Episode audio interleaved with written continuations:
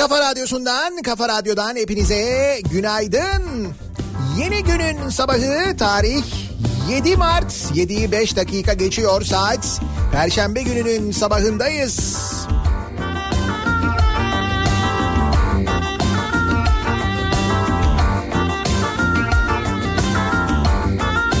Hafiften sisli, hafiften puslu, zaman zaman yağmurlu bir İstanbul sabahından sesleniyoruz. Türkiye'nin ve dünyanın dört bir yanına. Kuyu başına vardım Zeynep'i görem diye. Nasıl haberin almışsa Dayı emmi hep orada. Dediler ne ararsın? Kızı almak mı istersin? Sana bir çift sözümüz var Hele buysa niyetin. İşte hendek işte deve Ya atlarsın ya düşersin. Vaktin olmaz vazgeçersin. Zordur almak bizden kızı İşte Halep işte arşın. Ya aşarsın ya biçersin. Vaktin olmaz vazgeçersin. Zordur almak bizden kızı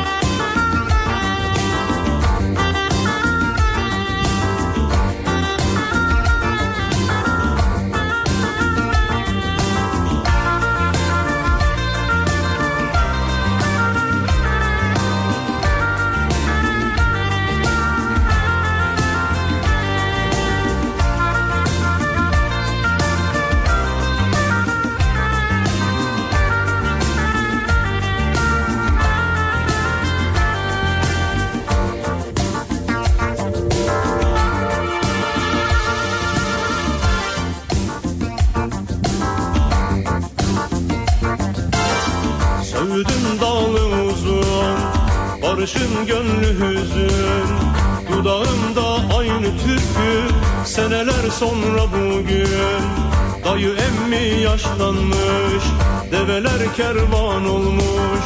Zeynep'inden haber sordum Başkasına yar olmuş. İşte hendek işte deve Ya atlarsın ya düşersin. Vaktin olmaz vazgeçersin Zordur almak bizden kızı. İşte Halep işte arşın Ya aşarsın ya biçersin Vaktin olmaz vazgeçersin. Zordur almak bizden kızı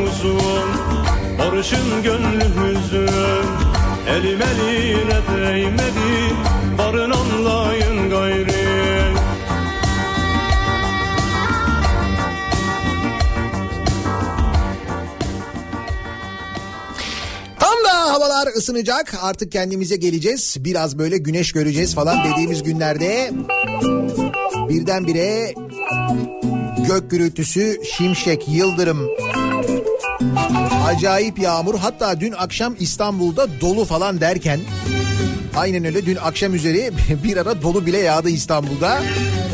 Buradaki yağışın sonra İç Anadolu bölgesine geçtiğini örneğin Ankara'da sabaha kadar yağmur yağdığını öğrendik şimdi dinleyicilerimizden. bir hanede buluştuk Artık yavaş yavaş sıcaklıklar artmaya başlıyor ama o yönde meteorolojiden gelen bilgi var. Üçümüz de kadın yüzünden hayli mutsuz olmuştuk Yere göğe gittik geldik Kim bilir belki de havaların böyle sürekli kapalı gitmesi, gökyüzünün böyle gri olmasından mıdır? Bir genel sinir hali var. Ne kadar sinirli olduğumuzu, ne kadar asabi bir toplum olduğumuzu birazdan aktaracağım haberlerden anlayacaksınız diye tahmin ediyorum. Kimisi böyle dışa sinirle vururken bu yaşananları, asabiyetle açıklarken durumu Hadi yine ağla şimdi ağla durmadan kimi de e, trafikte yaptığı tuhaf hareketlerle bunu dışa vuruyor diye düşünüyorum ben. Çünkü bu makas atma hadisesi var ya son zamanlarda ne kadar fazla gördüğünüzü bir düşünün.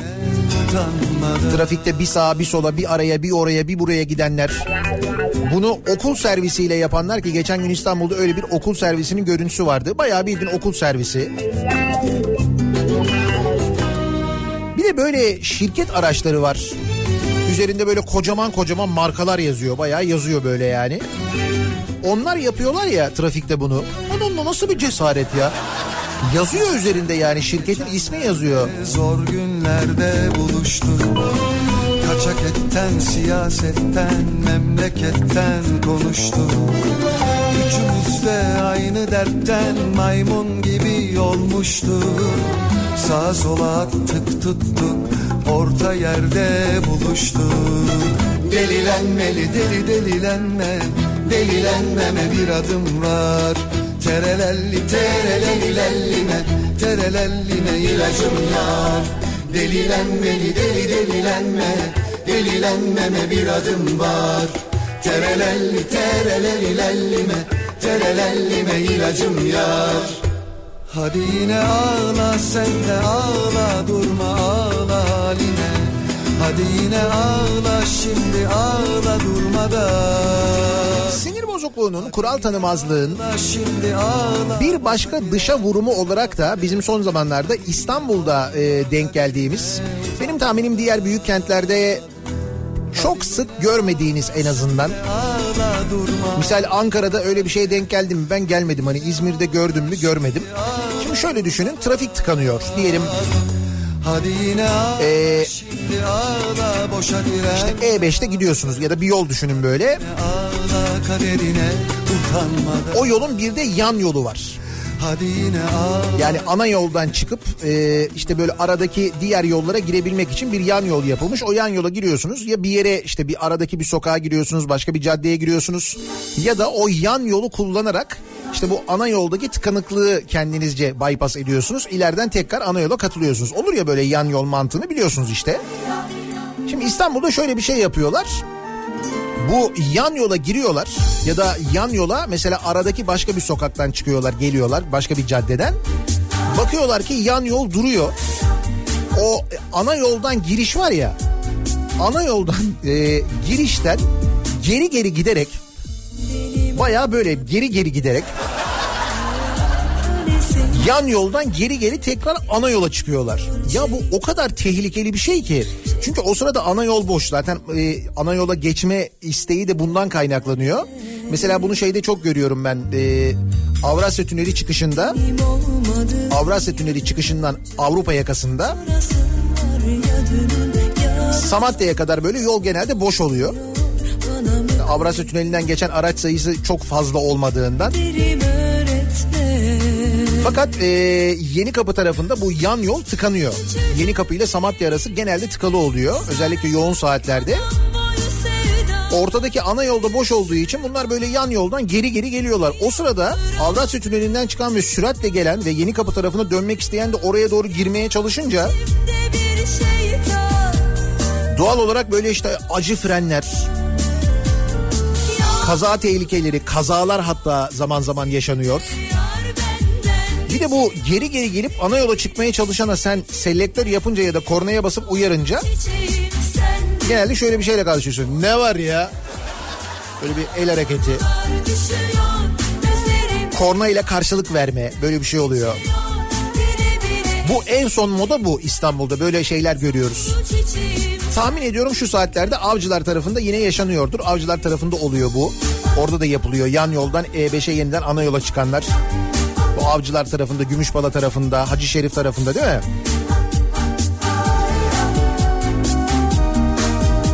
Dün akşam olmuş Küçükçekmece mevkii yan yolda trafik yoğunluğundan kaçmak isteyen sürücüler geri geri giderek trafik güvenliğini tehlikeye attı. Bu arada arabada çoluk çocuk var. Dediğim gibi arabanın üzerinde işte böyle şirketin ismi yazıyor falan. Bunların hiçbirinin önemi yok artık yani. Hani ben o kuralı ihlal etmişim. Arkadan gelen vurabilir, büyük tehlike olabilir falan.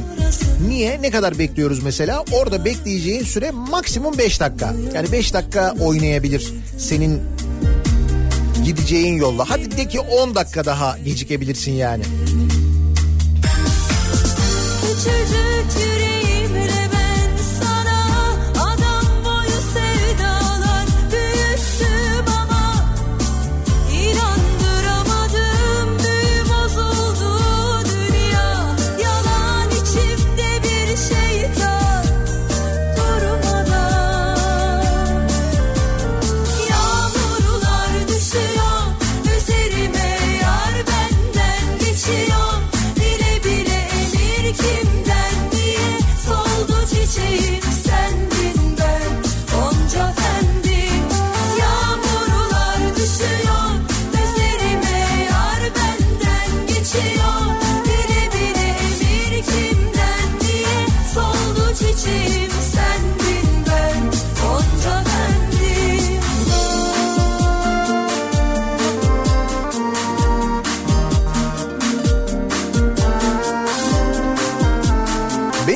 Benim merak ettiğim bu kural tanımazlık. Bu nasıl olsa bir şey olmaz.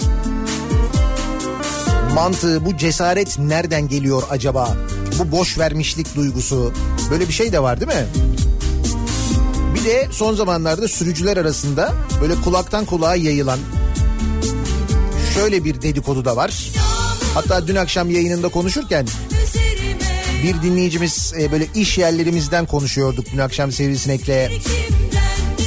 İşte iş yerlerindeki kimi uygulamalar, kurallar falan ne oluyor sizin iş yerinde falan diye böyle konuşurken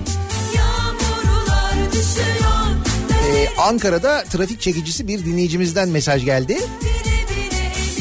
İşte böyle yanlış yere park eden, trafiği e, işte aksatan falan araçları böyle çeken trafik çekicileri var ya. İşte onlardan bir tanesini kullanan bir dinleyicimiz yazdı. E, seçim bu şeyden önce, e, seçimlerden önce yani seçim ertesinden önce işte günde mesela 20-25 araba e, çekiyorlarmış. Şimdi seçimler dolayısıyla gelen talimatla bu çekilen araç sayısı günde 4'e 5'e kadar düşmüş. Sebep? Seçim geliyor ya. Şimdi böyle arabası çekilen insan da böyle çok sinirleniyor ya. değmesin Dolayısıyla seçim yaklaşıyor. O nedenle trafik cezaları eskisi kadar sık kesilmiyor. İşte radarlar çalışmıyor. Radarlar kapatıldı. Maksat vatandaşa ceza gitmesin de sinirlenmesin aman oyunun rengi değişmesin diye böyle bir uygulamaya gidildiği yönünde bir dedikodu var. Bu dediğim gibi sürücüler arasında da böyle bir dalga dalga yayılan bir dedikodu. Bunun da verdiği bir cesaret midir nedir? Farkındasınız değil mi son zamanlardaki kural ihlallerinin nasıl arttığının? Var mı son zamanlarda böyle ceza yiyen? Böyle ceza tebligatı falan gelen eline trafik cezası son zamanlarda? Diyelim son bir ayda mesela.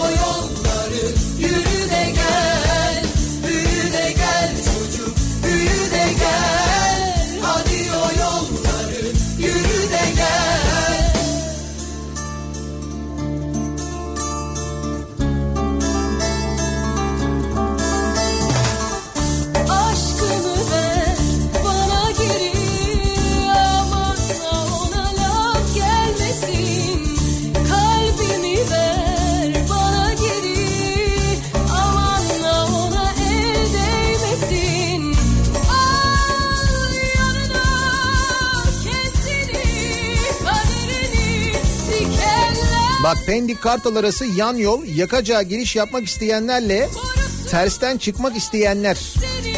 Şimdi bir görüntü çekmiş göndermiş dinleyicimiz de Ergün. Ya burada yine yol hani yan yoldan gelip böyle geri geri giderek değil. Yan yoldan soldan çıkmaması gereken yerden çıkmaya çalışıyorlar. Benim dediğim daha da tehlikeli. Oradan böyle sola geçemediği için ileriye gidip sonra geri geri ana yola çıkmaya çalışanlar var. Onlar daha fena. Hadi yolları yürü de gel Büyü de gel çocuk büyü de gel Hadi o yolları yürü de gel Abi evin önünden arabayı çektiler. Geçen hafta almaya gittim ceza yazmadık merak etmeyin dediler. He. Bak ceza yani çekiyorlarmış ama sonra ceza yazmadık diye de aynı zamanda bilgi veriyorlarmış.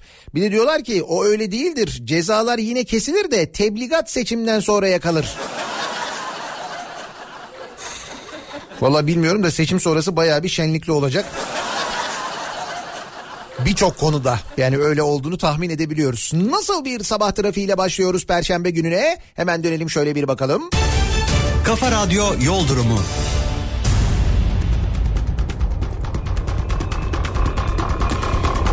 Zor uyanılan bir sabah olmuş ki trafik henüz daha tam olarak yoğunlaşmamış öyle anlaşılıyor. Örneğin Anadolu'dan Avrupa'ya geçişte ikinci köprü trafiğinde Ümraniye civarında bir miktar yoğunluk var. Sonrası yoğun ama akıcı şimdilik. Bir de geride biraz Ataşehir civarında yoğunluk olduğunu söyleyelim. Birinci köprü trafiği ise olmuş. Orası uzun çayırı geçtikten hemen sonra başlıyor. E, köprü girişine kadar da yoğunluğun sürdüğünü görüyoruz. E, tünel girişinde çok ciddi bir sıkıntı yok an itibariyle sevgili dinleyiciler.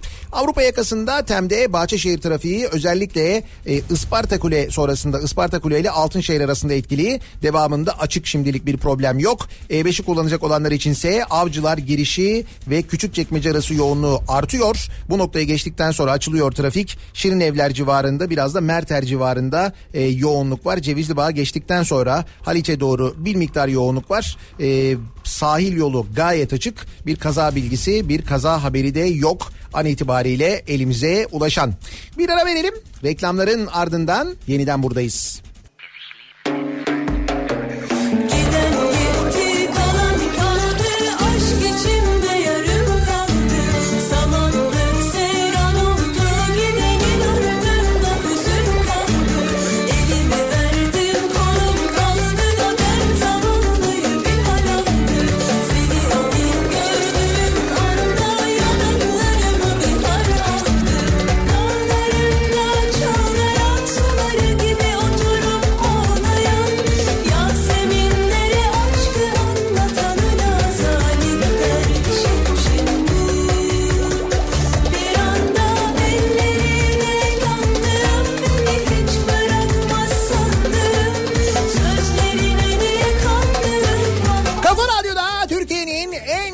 Radyosunda devam ediyor. Day 2'nin sunduğu Nihat'la muhabbet. Ben Nihat Sırdar'la. kaldı aşk içimde yarım 7 Mart Perşembe gününün sabahındayız. 7.30'a doğru yaklaşıyor saat.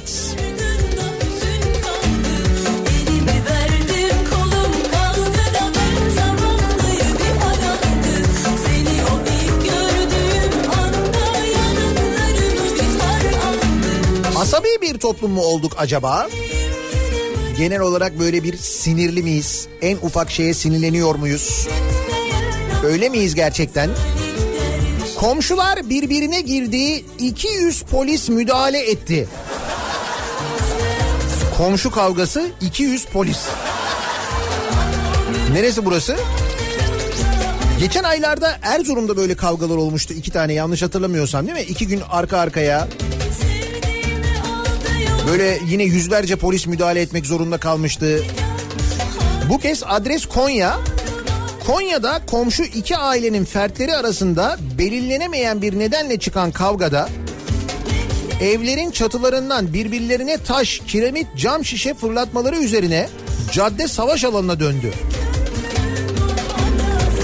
Yaklaşık 200 polisin müdahalesinde biber gazı, gaz bombası fişeği atılarak taraftarlar taraflar uzaklaştırılmaya çalışıldı.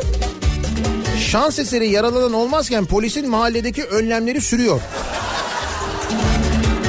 Hayır ne olmuş ki yani? Merkez Karatay ilçesi Doğanlar Mahallesi Doğanlar Caddesi. Polis öfkeli grupları sakinleştiremeyince biber gazı ile müdahale etti.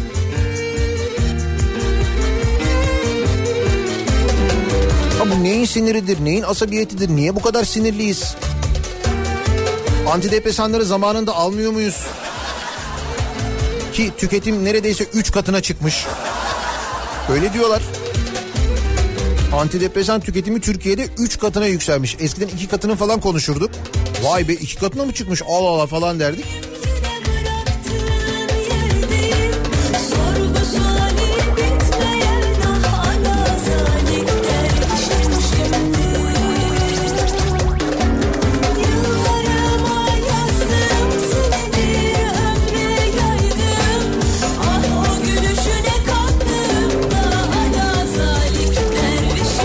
Da işte böyle çok kullanmamak lazım.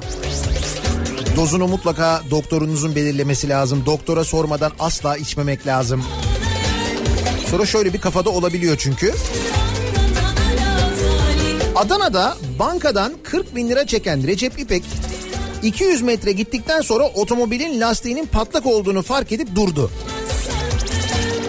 İpek'in lastiği kontrol ettiği sırada yardım etmek bahanesiyle yanına gelen Asım A ön koltukta poşetin içinde duran 40 bin lirayı alıp kaçtı. Polis Asım, Asım A'yı kısa sürede yakaladı. Asım A görüntü alan gazetecilere Türkiye artık eski Türkiye değil ülkemiz çok gelişti ve büyüdü dedi. Hırsız. Baya bankadan para çeken adamı takip edip soymuş. Sonra polis yakalamış. Adam demiş ki Türkiye artık eski Türkiye değil. Ülkemiz çok gelişti ve çok büyüdü. İşte bu da mesela fazla antidepresan. Doz aşımı yani.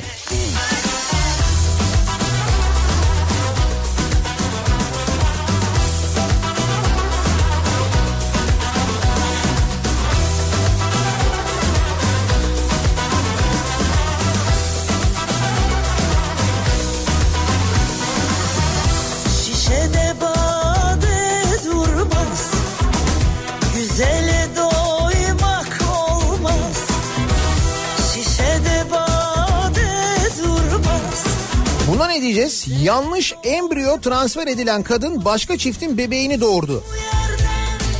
Burada Türkiye'de. Ya böyle yanlışlık olur mu ya? Allah aşkına. İstanbul'da yanlış embriyo transfer edilen anne adayı başka çiftin bebeğini doğurdu. Şimdi bu sadece bununla bitmiyor mevzu. Bak şimdi nasıl oluyor? Sabahtan Dilek Yaman'ın haberine göre İstanbul'da yaşayan çift normal yollardan bebek sahibi olamayınca Bahçeci Tüp Bebek Merkezi'ne başvurdu. İlk denemede başarılı sonuç alan çifte 9 ay sonra bebekleri olacağı müjdesi verildi. Genç çift kız olacağını öğrendikleri bebekleri için evde hazırlıklara başladı. Şimdi düşünsene o haber, telaş, o mutluluk falan. Fakat doğum sonrası aile büyük bir şok yaşadı. Çünkü doğan bebeğin yapılan tahlillerinde kan grubu farklıydı. Yapılan DNA testinde bebeğin aileye ait olmadığı ortaya çıktı. Tüp Bebek Merkezi'nin yetkilileri "Ee, kusura bakmayın embriyolar karışmış. Kusura bakmayın. Tabii canım estağfurullah ne kusuru yani ne olacak? Di- diyerek skandalı geçiştirmeye çalıştı. İstem dışı taşıyıcı anne olan kadın ve eşi olayı yargıya taşıdı doğal olarak. Sağlık Bakanlığı tüp bebek skandalı ile ilgili iki soruşturma başlatırken skandal olay haber oldu. Şimdi bundan sonrası da e, bundan sonra bak nasıl karışıyor olaylar. Bahçeci Tüp Merkezi sahibi Mustafa Bahçeci'nin arkadaşı Kazım Gökçe iddiaya göre Bahçeci'nin kariyerine zarar verecek olan bu durumu engelleyebileceğini belirtti. Gökçe ailemde MİT mensubu birçok kişi var. Bu işi halledebilecek kadar para verirsem ben bu işi çözerim dedi. Bahçeci yarım milyon dolar para karşılığında anlaşmaya vardı. 500 bin dolar. Ama skandalın yayılması engellenemedi. Bunun üzerine tüp bebek merkezinin sahibi kendisinden bir buçuk milyon dolar daha isteyen Gökçe'den şikayetçi oldu. Gökçe hakkında kamu görevlisiyle aralarında ilişki bulunduğu bahisle dolandırıcılık suçundan dava açıldı. O işini yanlış yapar. Öteki gelir der ki sen yanlış yapıyorsun merak etme ben bu işi çözerim at bir sakal der. O ona sakal atar. İşin çözülmediğini dolandırıldığını anlayınca o gider mahkemeye yargıya taşır olayı.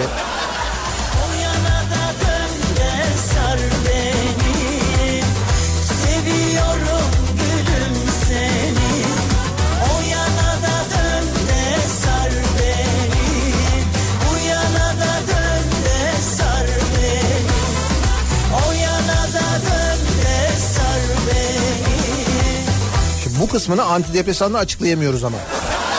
Yani şu şu olanları şu olanları antidepresanla açıklamak mümkün değil. Çünkü bizde bazı şeyler var hakikaten de e, nasıl bir cesaret biraz böyle cehaletle de alakalı.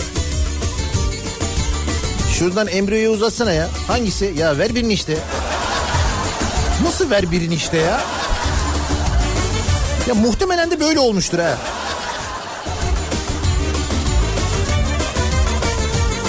Yaptığın işi ciddiye almama falan. Bitlenen saçlarını benzinle yıkamak isterken kendini yaktı diye haber var ya.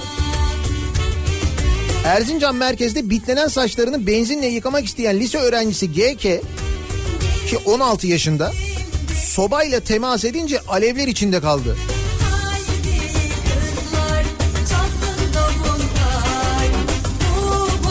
Gözde K arkadaşlarının tavsiyesi üzerine bitlenen saçlarını benzinle yıkamak için banyoya girdi.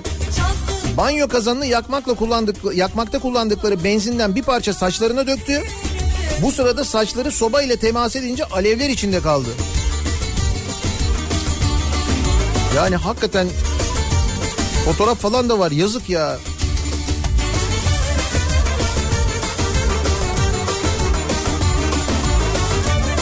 Sene 2019 bu arada.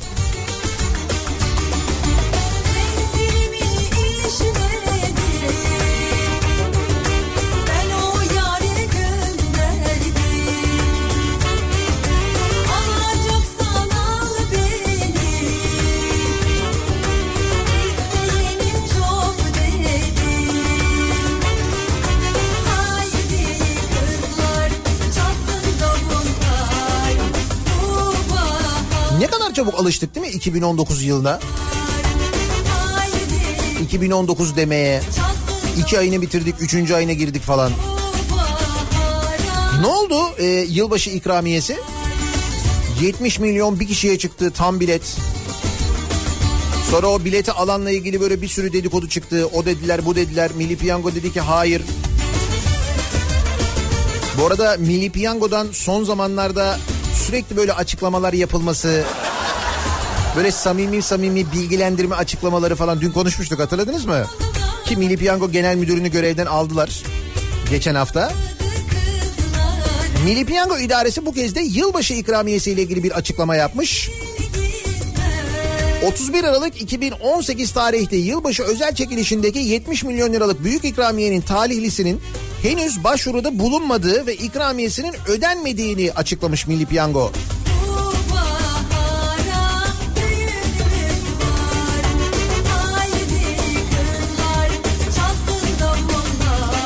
Genel müdürlükten yapılan açıklamada eskiden hiç öyle açıklama falan olmazdı. Artık mevzu ayyuka çıkınca Yılbaşı özel çekilişindeki 70 milyon liralık büyük ikramiyenin Kadıköy şubesine sevk edildiği ve Ali Özçalımlı isimli Milli Piyango seyyar bayisine satılan 761 55 36 numaralı tam bilete isabet ettiği belirtilmiş. Söz konusu biletin talihlisinin ikramiyesini almak üzere henüz Milli Piyango İdaresi'ne başvuruda bulunmadığı, ikramiyenin idare tarafından ödenmediği kaydedilmiş.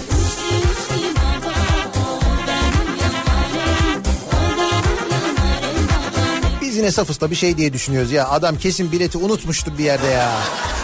Ha ben bilet almıştım değil mi falan demiştir. Kim bilir ne derdi vardır. Olsun biz yine böyle düşünelim boş ver. Biz yine iyi düşünelim yani.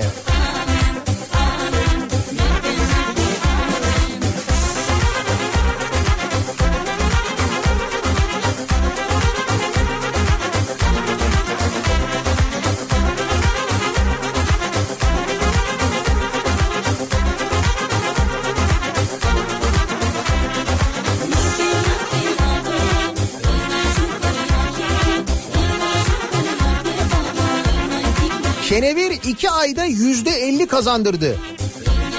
Kenevir. Yatırım yapabiliyor muyuz ya? Bizim bu ara öyle bir ilgimiz var memleket olarak. Antidepresan kesmiyor artık çünkü. Yeterli gelmiyor yani. Dünyanın ilk kenevir ETF'si yılbaşından bu yana yüzde elli getiri sağladı. Kenevir fonu varmış. Fon Kanada'nın en çok getiri sağlayan ikinci fonu oldu. Finans piyasalarında önemli yatırım araçlarından biri haline geldi.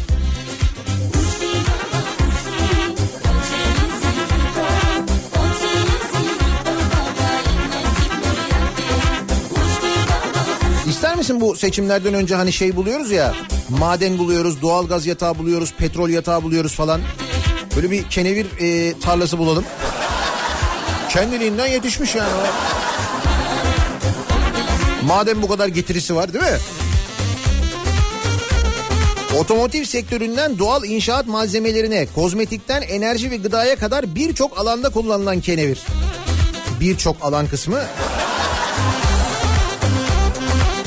Biz bunu bahane ederek bak inşaatta kullanıyoruz ya. İnşaat ülkesiyiz biz.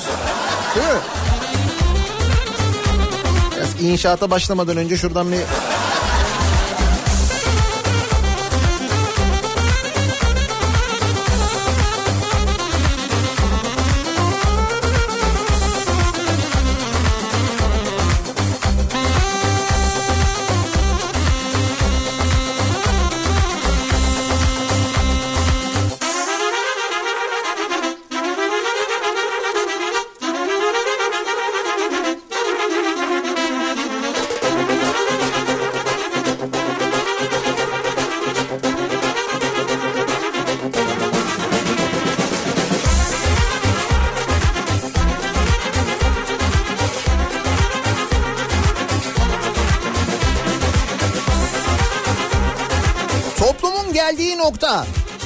Arkadaşımıza güvenmiyoruz. Öyle mi güvenmiyor muyuz? Kadir Has Üniversitesi'nin araştırmasına göre toplumun büyük kesimi kadınların yaşadığı en büyük sorunun şiddet olduğunu düşünüyor. Araştırmada çarpıcı verilerden biri de güven konusu. En çok güven aileye. Arkadaşa güven son sıralarda. Komşuya güven oranı ise yalnızca yüzde otuz bir. Birbirimize güvenmiyor muyuz yani? Allah Allah. Neden acaba?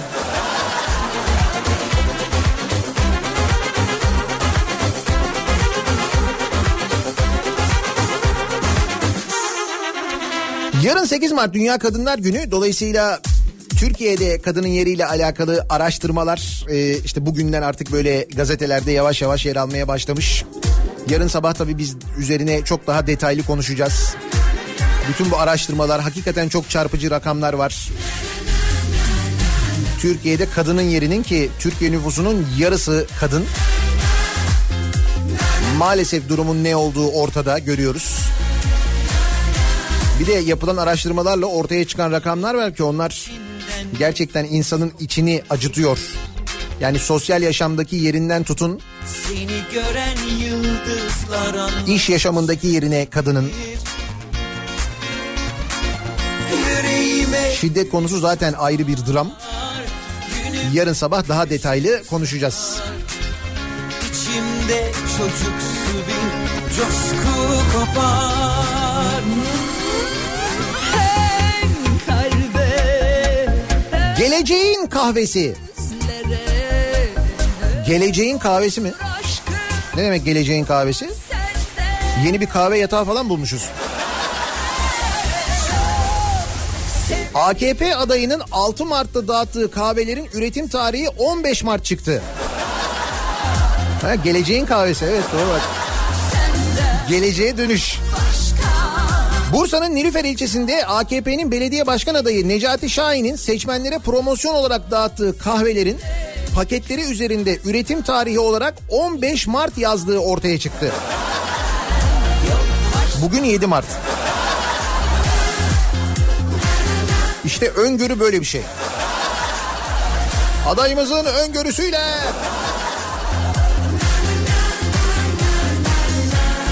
Bursa Muhalif Gazetesi'nin haberine göre AKP'nin Nilüfer Belediye Başkan adayı Necati Şahin'in seçim çalışmaları için seçmenlere dağıttığı kahvelerin arkasında yazan üretim tarihinin 15 Mart olduğu ortaya çıktı. Gören yıldızlar anlar ışık 6 Mart'ta üretim dün olmuş bu. Üretim tarihi 15 Mart olan kahvelerin dağıtılması tepkilere yol açtı. Abi vizyon işte bu ya. Bence adayın vizyonunu gösteriyor. Bursa'nın Nilüfer ilçesinde yaşayanlar da tahmin ediyorum bu vizyon karşısında. Bir e, grup kahve de böyle bir şey çıkmıştı galiba değil mi? Ba- bayat mı çıkmıştı öyle bir şey olmuştu. Herhalde ona önlem olarak. Ne dağıtıyorlar başka bu aralar adaylar? Şimdi kahve klasik onu biliyoruz zaten. Kahve, fincan takımı falan dağıtılıyor genelde. İşte kömür biliyoruz. Gıda yardımları yapılıyor onları biliyoruz. Onlar artıyor yani.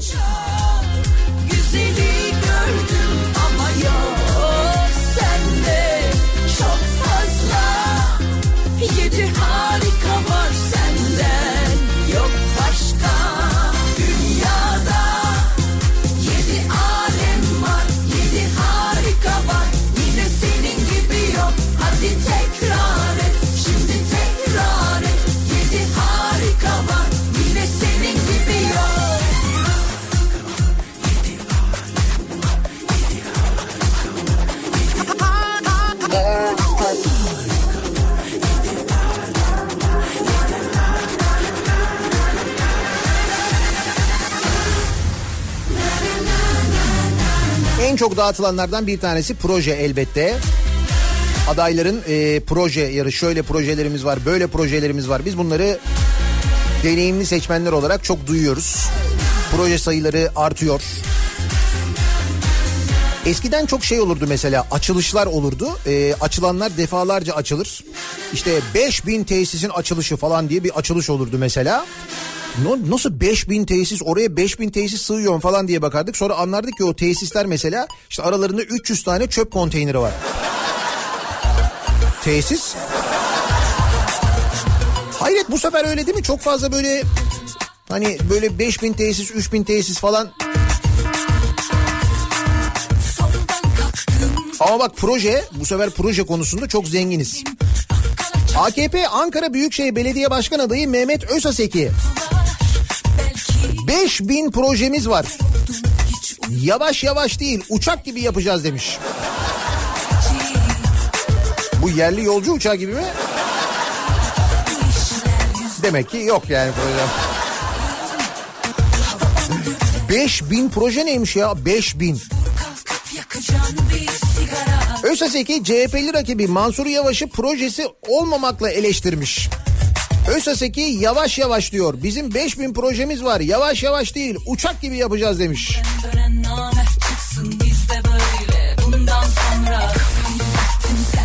Şimdi Ankaralılar eğer Kayserili tanıdıkları varsa hep söylüyorum mesela bazıları işte daha önce başka şehirlerde belediye başkanı adaylığı yapmış. Belediye başkanlığı yapmış daha doğrusu düzeltiyorum. İşte bugün başka şehirlerden aday olmuş insanlar var aralarında. O zaman en iyisi ne? Daha önce görev yaptığı şehri arayacaksın. Oradan tanıdığın birileri varsa onlara soracaksın. Mesela Kayseri'de kendisinin uçak gibi yaptığı projeleri bir öğrenin bakalım. Arayın bir sorun bakalım. Mesela bir Kayseri'de e, şey var tramvay var mesela. O tramvayın e, nerelerden geçtiğini bir öğrenin Kayserililerden. Size bir anlatsınlar. 5000 proje Ankara'ya 5000. Ben sana söyleyeyim 400'ü kapıdır onun. Her mahalleye bir kapı mesela. Ankara'da. Olmaz mı? Bence olur. Ankara kapı seviyor çünkü. Neydi? Anka Park'ın girişindeki kapının maliyeti 19 milyon lira mıydı? 19 milyon. Ankara'nın girişlerindeki kapıların maliyeti 5 milyon liraydı tanesi. Demek ki kapı seviyorlar yani.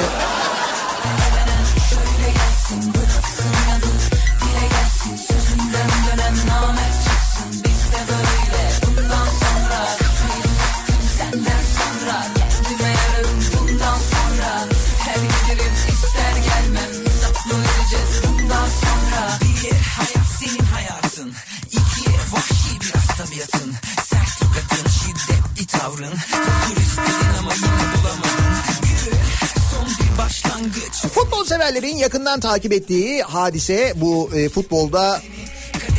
İşte Başakşehir futbol takımı. Başakşehir e, lehine yapılan hatalar. Hakem hataları. Hele bu geçen haftaki maçta Arda'nın penaltı pozisyonu. Yani Arda'nın faal yapmasına rağmen ona verilen penaltı artık işi böyle ayyuka çıkarmış vaziyette. Gerçekten çok büyük tepki var aslında bakmayın. Ama bu tepkiyi kim görecek, kim yazacak değil mi?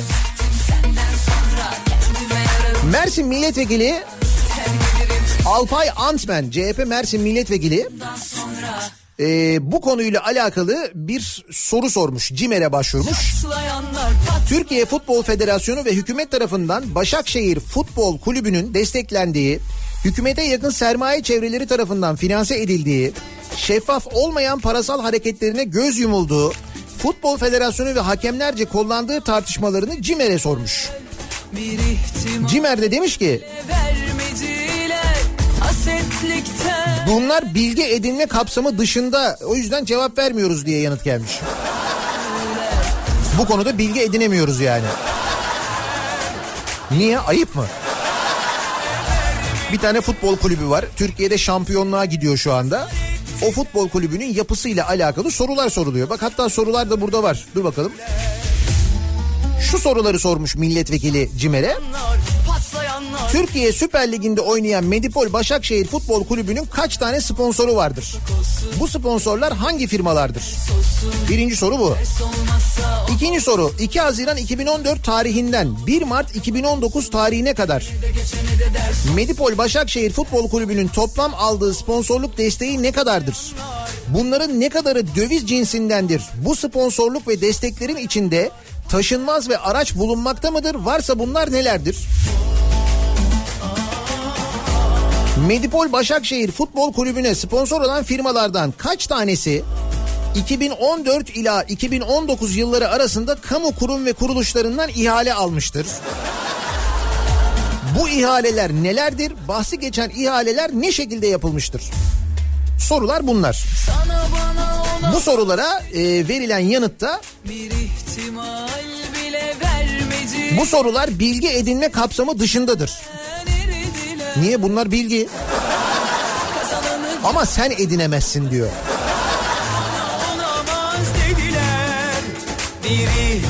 Demek ki öyle her soruya yanıt yok. Hayır bir de şimdi biz de bilemiyoruz hangi soru kapsam içinde, hangi soru kapsam dışında. Çatlayanlar, patlayanlar Kim bilir belki de sizin de sorularınız vardır. ona buna ona buna. Ama bilmiyorsunuzdur kapsam içinde mi, kapsam dışında mı, cevap alır mısın, alamaz mısın? Var mı sizin bir sorunuz? Ona buna Buyurun soruyorum yapalım bu sabah. Soralım. ders olmazsa o Cevap veremiyorsa hadi kapsam dışında deriz yani. Ne olur? Patlayanlar, çatlayanlar, patlayanlar Kız Sizin bir sorunuz var mı? Kapsam içinde veya dışında diye soruyoruz. olsun.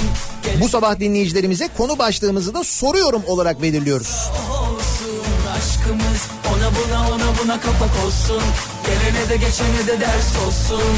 Ders olmazsa olsun aşkımız ona buna ona buna kapak olsun. Gelene de geçene de ders olsun. Ders olmazsa o olsun aşkımız ona buna ona buna kapak olsun. Gelene de geçene de ders olsun. Konu başlığımız soruyorum. Bekliyoruz mesajlarınızı, sorularınızı. Kapsam içinde, kapsam dışında. Bakalım e, siz neler merak ediyorsunuz? İşte bir milletvekili aslında birçoğumuzun merak ettiği şeyi değil mi? Şimdi e, başka takımları tutan taraftarların birçoğunun Başakşehir ile ilgili merak ettiği soruları sormuş. Birçoğumuzun aklında değil mi? Benzer sorular var. Az önce saydığım sorular. Ama bu sorulara demişler ki bunlar demişler bilgi edinme kapsamı dışındadır cevap veremeyiz demişler. Adamlar şampiyon olacak ama bilgi edinemiyoruz.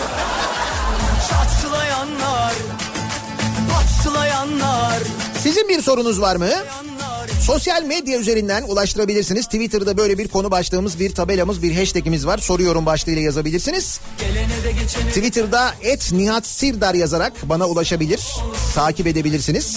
Facebook sayfamız Nihat Sırdar fanlar ve canlar sayfası. nihatetnihatsırdar.com elektronik posta adresimiz. ona buna ona buna Ayrıca kıskananlar çatlasın. Şimdi o yanıt Cimer'den gelmiş bu bilgi edinme e, kapsamı dışındadır diye.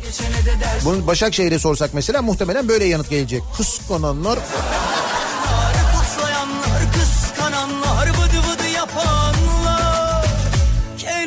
Ay büyük de bir taraftar kitlesi var şimdi. Böyle konuşuyoruz haklarında ama bir ters tepki almayalım yani. Bir ara verelim reklamların ardından yeniden buradayız.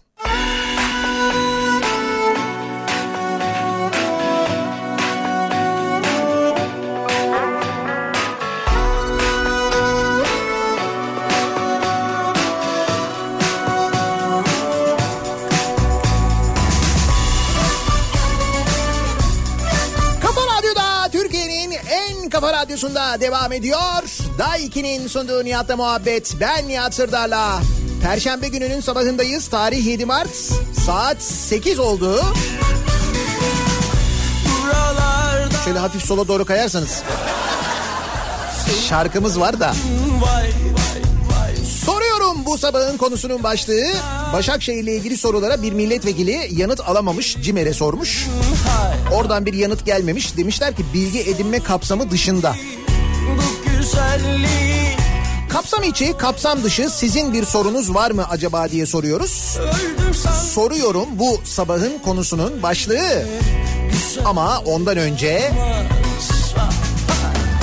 Yürüyorum sana doğru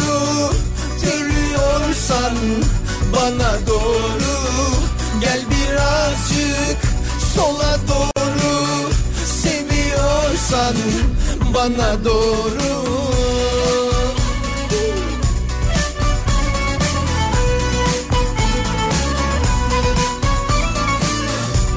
balans tutmayanların şarkısı. Seviyoruz.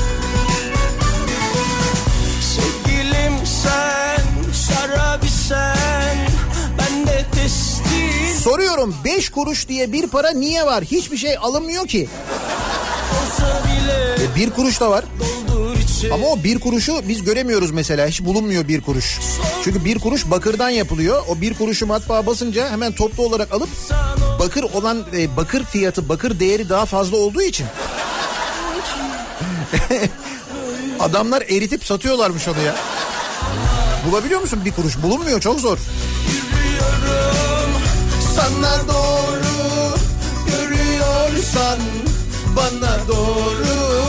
Gel birazcık sola doğru Seviyorsan bana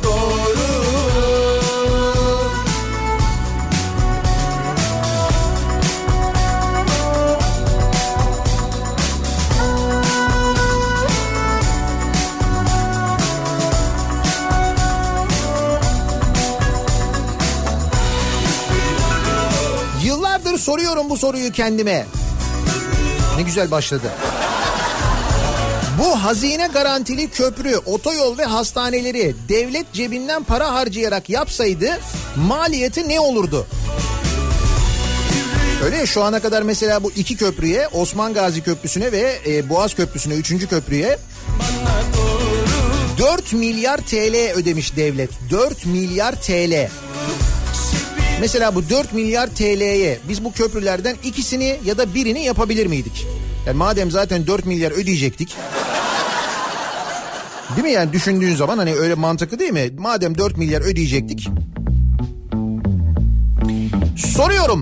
Almanya'nın 2018 ihracatı ne kadar milyar dolar ne kadar? 1 nokta 1.49 milyar dolar. Hayır 1 milyon 492 Ya bu rakamlar nasıl rakamlar böyle ya? Bizimki çok daha düşük. Almanya bizi neden kıskanıyor o zaman diye soruyor da Semih. Bilmiyorum bu Almanların bizi bir eve alıp veremediği var. Herhalde bu Birinci Dünya Savaşı'ndan mı kaynaklanıyor nedir? Söyle söyle Halbuki orada kabahat de bizim değil onların.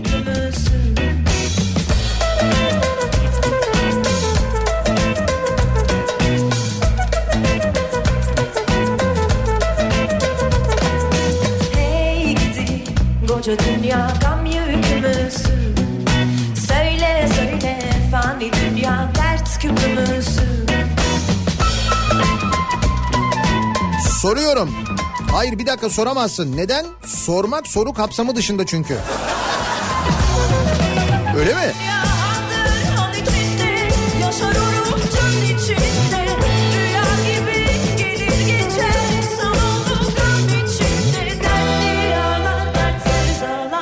Soruyorum. CHP sporumuzu neden baltalamak istemektedir? Vaktiyle takıma seçilmedikleri için kin mi tutmaktadırlar? CHP'den bir milletvekili futbolcular daha fazla vergi versin diye bir teklif sunmuş meclise. Ne diyorsun?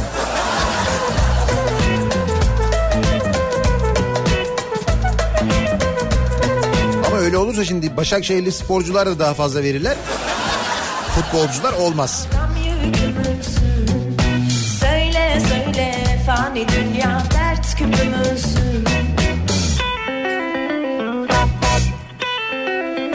Soruyorum. Büyükşehir Belediyesi için CHP'ye, ilçe belediyesi için AKP'ye oy verirsek bu durumda biz ne oluyoruz? Bak bu güzel bir soru biliyor musun? Çünkü şimdi şuna oy verirsen böyle oluyorsun, buna oy verirsen şu olursun, şöyle yaparsan böylesin falan deniyor ya. Bir de böyle bir kombinasyon var. Orada başkasına verdin, burada başkasına verdin. Nasıl olacak o? O zaman ne oluyorsun? Karıştı değil mi kafa?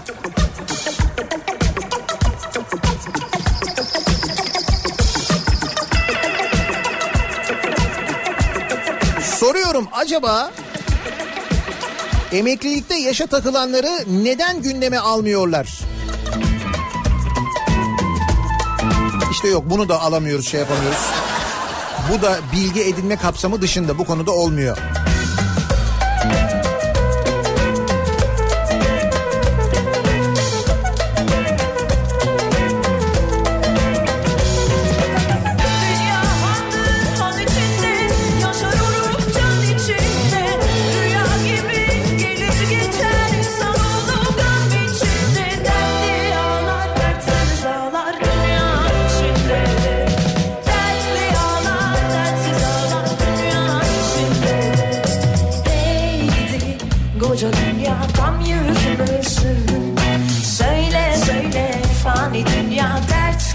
Soruyorum Vişneli Tayfır'ın nasıl yazıldığını bilmiyorum demişsiniz ama doğru yazmışsınız. Vişneli Tayfır öyle yazılıyor aynen okunduğu gibi.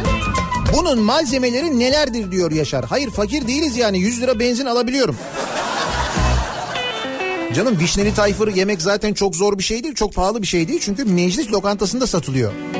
Ne kadar pahalı olabilir yani? Zaten o yüzden yiyemiyoruz. Ankara'ya gidiyorum ben vişneli tayfır yemiyorum. Bir yerde yok yani. Hani bir pastaneye gideyim, bir kafeye gideyim, bir yerde yiyeyim öyle bir şey yok. Mecliste yememiz lazım. Meclise de gitmemiz zor.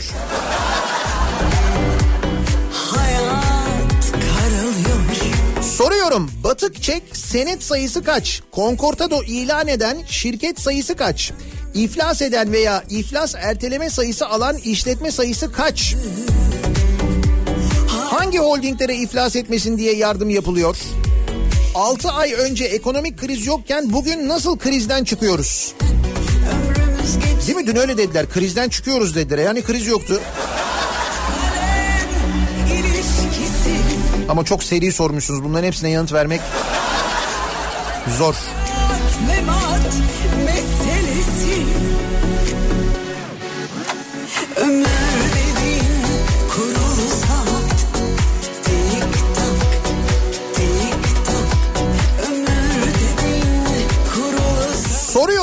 Marmaray bu uyarılara rağmen açılacak mı? Açılacaksa bu endişeler giderilecek mi? Bir insanın hayatı bir oydan ya da bin oydan değersiz mi? Uzmanların Marmara ile ilgili uyarıları dün konuşmuştuk uzun uzun hatırlarsanız. Kısaca makas motorları yok. Bazı noktalarda sinyal görüş mesafesi çok kısa. İşkur üzerinden alınmış 90 makinistin eğitim ve yol deneyimleri yeterli değil. Bunlar tamamlanmadan açılmamalı Marmaray diye ısrarla uyarıyorlar. Ki bunlar da böyle 3 günde 5 günde e, giderilecek problemler değil öyle anlaşılıyor ama bu pazar gününe e, yetiştirmeye çalışıyorlar. Yani bu pazar günü açıyorlar daha doğrusu yetiştirmek değil dert aslında. Seçimlerden önce açmak öyle anlaşılıyor. Tehlikeye dikkat çekiliyor yine her zaman olduğu gibi. Kale alınıyormuş da maalesef kale alınmıyor.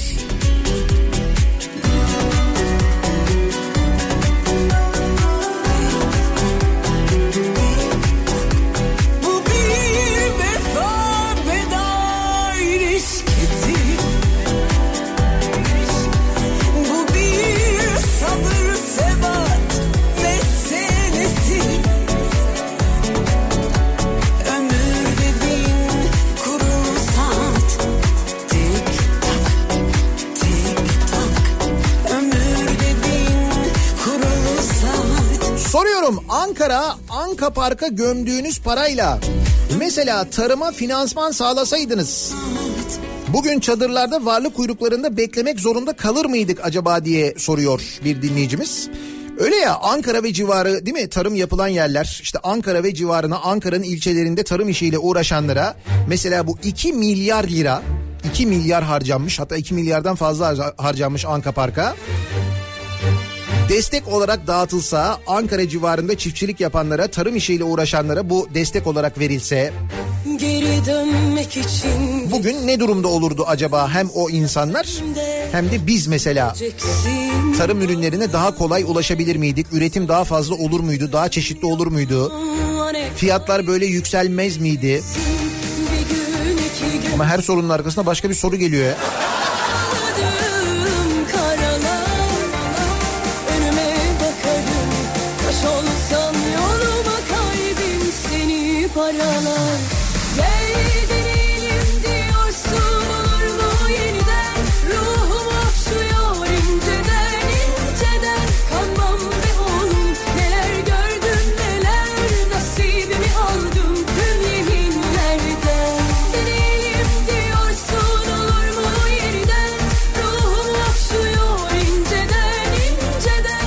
Soruyorum bordo mavi patates olacak mı?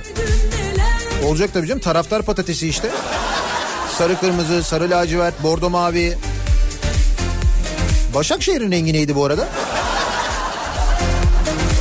Adamların rengini bilmiyoruz. Şampiyon oluyorlar ya.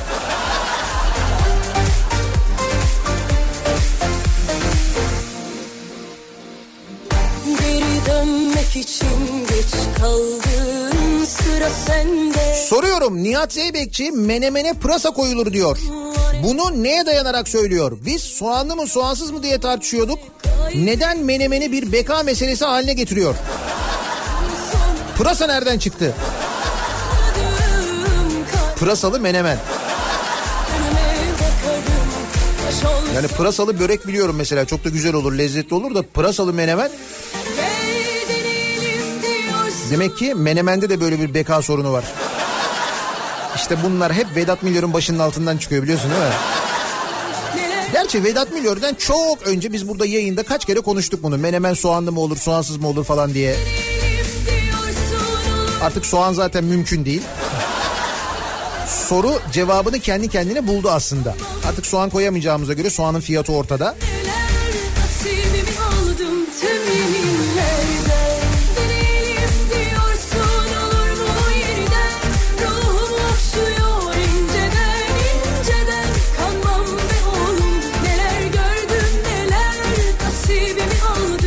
Bakanı Ziya Selçuk'un şu açıklaması üzerine bir dinleyicimiz soruyor. Ee, demiş ki Milli Eğitim Bakanı eğitimde güçlü bir beklenti varsa eğitimde diyor güçlü bir beklenti varsa o zaman yerel seçimlerde bize destek olunması gerektiği çok açık diyor.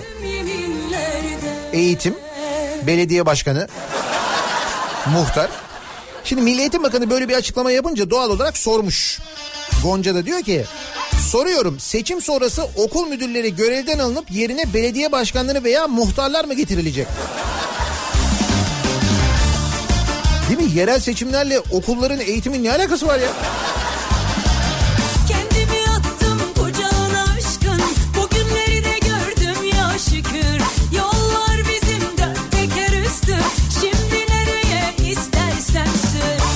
Soruyorum Başakşehir maçlarında var var mıdır?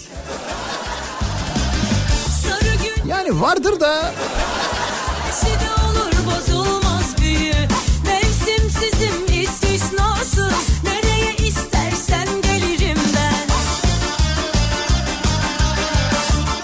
Soruyorum yılbaşından beri talihli ikramiyesini almadığına göre Milli Piyango'nun yılbaşı ikramiyesinin t- talihlisi hala almamış ya tam bilete çıkmıştı 70 milyon lira.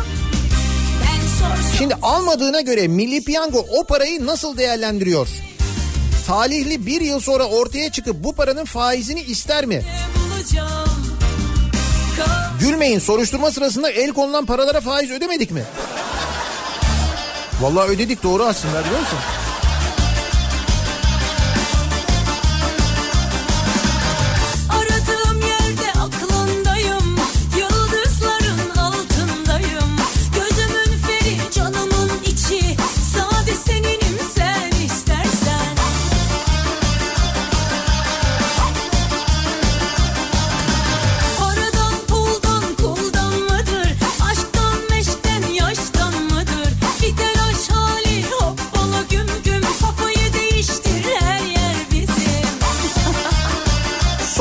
9 Eylül Üniversitesi'nde açılan Tanzimvari domates, biber, soğan standı ki çok büyük bir akademik olaydır.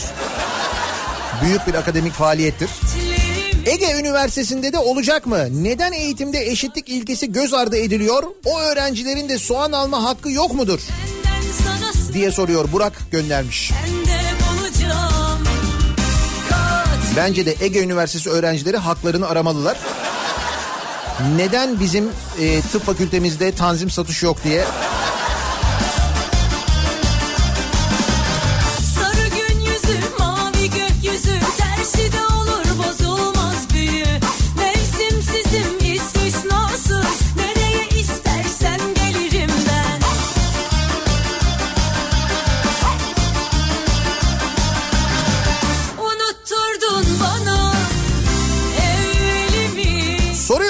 Soruyorum ÖSASEK'in Sayıştay raporlarına göre 7 milyon liraya yaptığı fakat yerinde olmayan üst geçit nerede?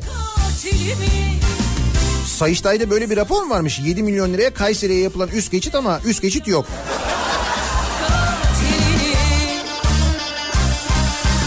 Belki çok üsttedir.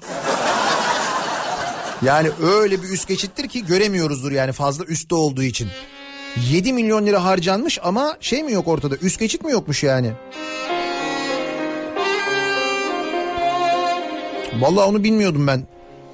Onun için diyorum ya Ankaralılara e, yapacaksanız e, Kayserililere sorun yani oy vermeden önce madem Kayseri'nin eski belediye başkanı e, şimdi Ankara Büyükşehir Belediye Başkan adayı o zaman gayet basit. Soracaksınız Kayserililere nasıldı memnun muydunuz ne yapmıştı ne olmuştu diye. Bak 7 milyon liraya üst geçit yapılmış ama üst geçit yok. Şimdi düşünüyorum üst geçiti çalmış olabilirler mi diye ki olabilir. Bizim memlekette olur yani. Değermedik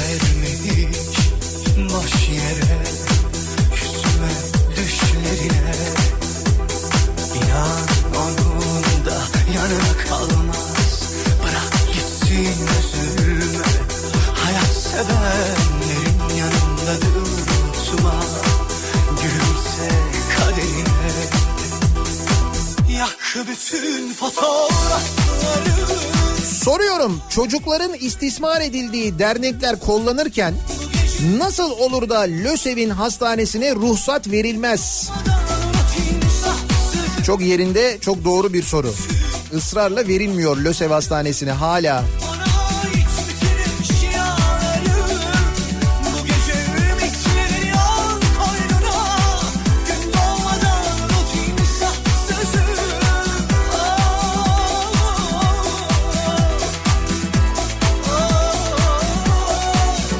Marmaray'da bir problem mi var? Ayrılık çeşmesinde çok büyük bir kalabalık var.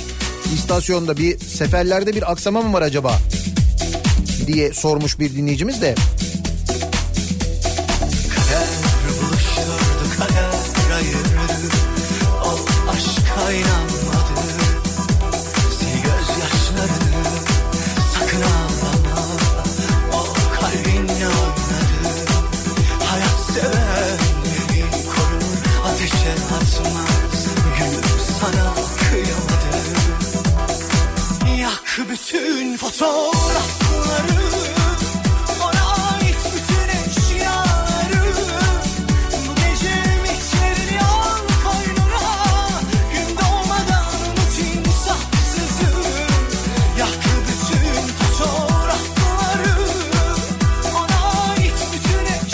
Çok soru var ki soruyorum akşama kadar açık kalsın lütfen. Ben kapatmam canım siz buradan sorun. Sorun yok.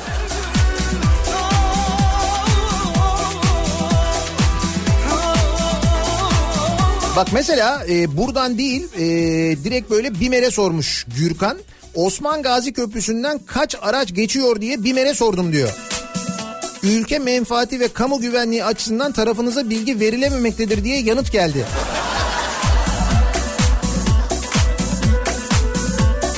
Ülke menfaati mi? Ülke menfaatleri ve kamu güvenliği açısından Osman Gazi Köprüsü'nden geçen araç sayısı konusunda tarafınıza bilgi verilememektedir. Hakikaten de öyle yazıyor yani. Menfaat mühim. Tabii. Yalnız öğrensek daha menfaatimiz olmaz mıydı sanki ya? Hani öğrenseydik, bilseydik. Yak bütün fotoğrafları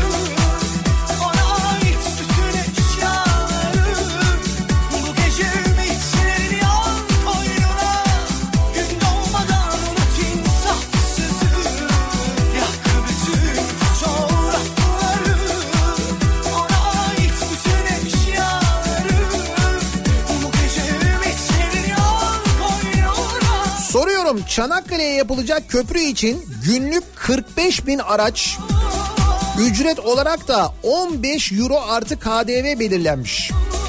Bunu biliyor muydunuz? Şimdi Ferit hatırlatıyor ama biz buradan çok konuştuk bunu. Bakın Çanakkale Köprüsü'nden günlük 45 bin araç geçiş garantisi verilmiş. Ki hani Çanakkale'yi bilenler, o bölgeye gidenler bilirler. Orada yaşayanlar daha da iyi bilirler. 45 bin araç günde ne demek ya? Hani bu 9 günlük tatil falan olduğu zamanlarda yani trafiğin orada en yoğun olduğu zamanlarda bu feribot iskelelerinde uzun uzun kuyrukların saatlerce insanların beklediği zamanlarda bile günde 45 bin araç geçmez biliyor musunuz oradan? Üstelik 15 euro artı KDV belirlenmiş. Dolayısıyla diyelim ki günde 5 bin araç geçti. Aradaki 40 bin aracın parasını ama cebimizden para çıkmayacak. Bak orası önemli.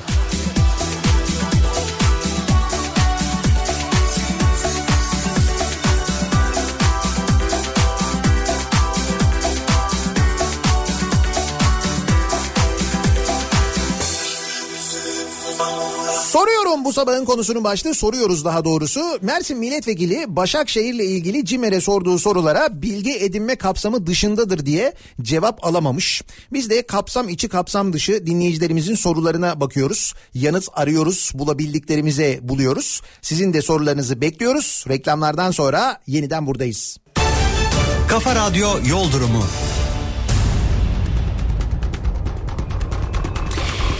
Perşembe gününün sabahındayız. Trafikle ilgili son duruma hemen şöyle bir bakıyoruz. Köprülerdeki yoğunluk sürüyor. İkinci köprü trafiği Ataşehir civarında başlıyor. Buradan başlayan ve Ümraniye civarında özellikle yoğunlaşan sonrasında hareketlenen ama köprü girişinde yeniden yoğunluk yoğunluğu artan bir trafik. ikinci köprü yönünde Beykoz tarafından gelişte ve Göksu tarafından çıkışta da yoğunluklar var. Birinci köprü ikiye göre daha yoğun onu söyleyelim ama e, birinci köprüde uzun çayırdan sonra başlıyor trafik. Hem Ümraniye tarafından geliş hem Çamlıca tarafından geliş iki yönde de çok ciddi yoğunluk var. Sahilden Beylerbeyi tarafından ve Üsküdar tarafından gelişlerde de ciddi yoğunluklar yaşanıyor. Birinci köprünün Anadolu Avrupa istikametinde. Avrupa yakasında Tem'deki yoğunluk Bahçeşehir tarafında sürüyor. Burada Filüsköy Altınşehir yönünde bir araç arızası var. Mahmut Bey yönünde yani. İşte aracın arızalandığı bölgeden geriye doğru trafik Bahçeşehir'in de gerisine kadar uzamış vaziyette. Bu noktayı geçtikten sonra Tem trafiği açık ta ki otogar, e, otogar sapağına kadar otogardan itibaren başlayan yoğunluksa e, Seyran Tepe çıkışına Maslak çıkışına kadar sürüyor. E5'i kullanacak olanlar içinse Avcılar girişi Küçükçekmece arası yoğun ama akıcı bir yo- e, trafik. Bu noktaya geçtikten sonra açılıyor. Sefaköy rampası başlangıcından itibaren aralıklarla Haliç girişine kadar süren bir yoğunluk var. Sahil yoluna ciddi bir kaçış olmuş bu sabah. Sahil yolunda Ataköy e, civarında özellikle ciddi yoğunluk yaşandığını görüyoruz. Bu arada sahil yolunda bir bilgi daha e, Eminönü tarafında e, bir araç arızası o bölgedeki trafiğin özellikle Kumkapı sonrasındaki trafiğin etkilenmesine neden olmuş vaziyette sevgili dinleyiciler. Tele alışveriş başlıyor.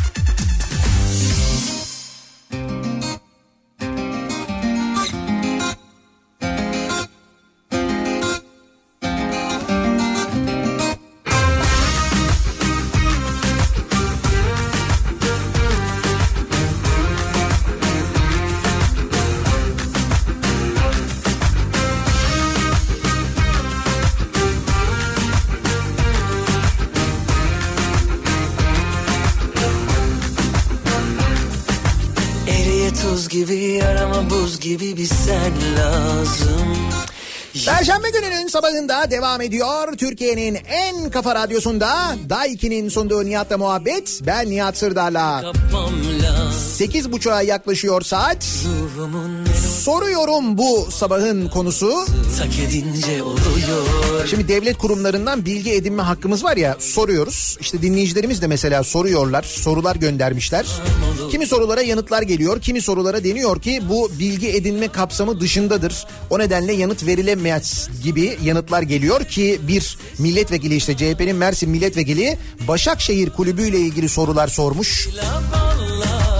Ancak bu sorulara yanıt verilmemiş. Bunlar bilgi edinme yasası kapsamı dışındadır denilmiş.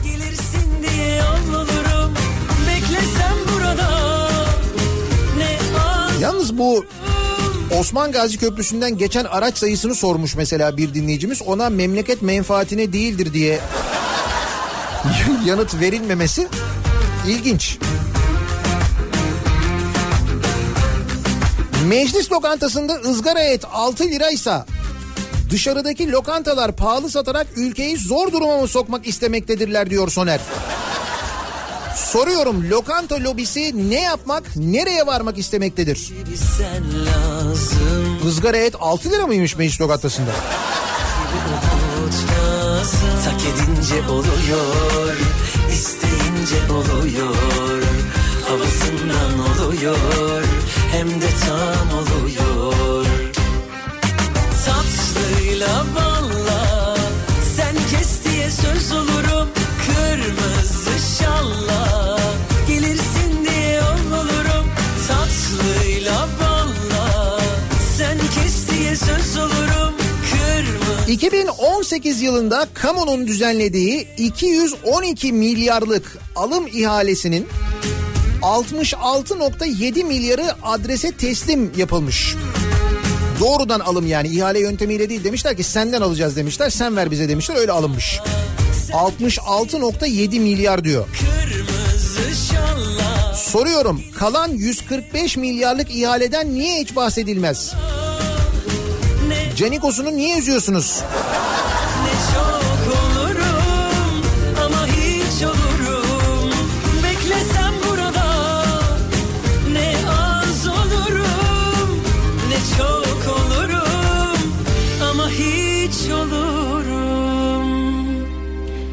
Soruyorum dış mihraklar soğan patates fiyatını nasıl arttırabilir? Diyor mesela Kemal sormuş. Nasıl arttırabilir? Şimdi onlardan alıyoruz ya. Soğanı patatesi dışarıdan ithal ediyoruz ya. İşte bu dış mihraklarda fiyatını pahalı tutuyorlar. Biz gerçi fiyatını düşürmek için ithal ediyoruz ama onlar pahalı verince olmuyor. Bence ondan olmuyor. Basit aslında sorunun cevabı yani.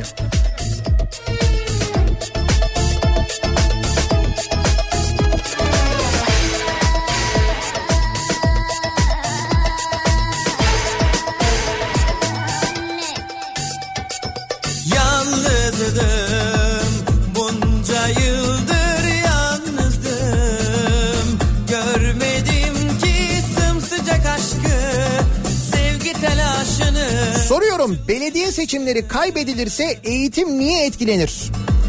Cennete gitmek için illa bir partiye mi oy verilir? Diyanet ne iş yapar? Diyanet neye para harcar ve niye yetmez? Seri sormuş Serdar. sen mutlu ol yeter Sımsıkı sıkı sıkı sıkı sıkı sar beni al gönlüne yine deli gibi yor beni Muhabbet olsun gönüller coşsun Soruyorum İstanbul'da birçok merkezi noktada yapılan metro çalışmaları neden durdu? Hani en geç 2019'da bitecekti. Durdu mu metro çalışmaları? şimdi yerin altında çalışıyorlar ya o yüzden görmüyoruzdur biz. Ondandır yani çalışıyordur canım. Muhabbet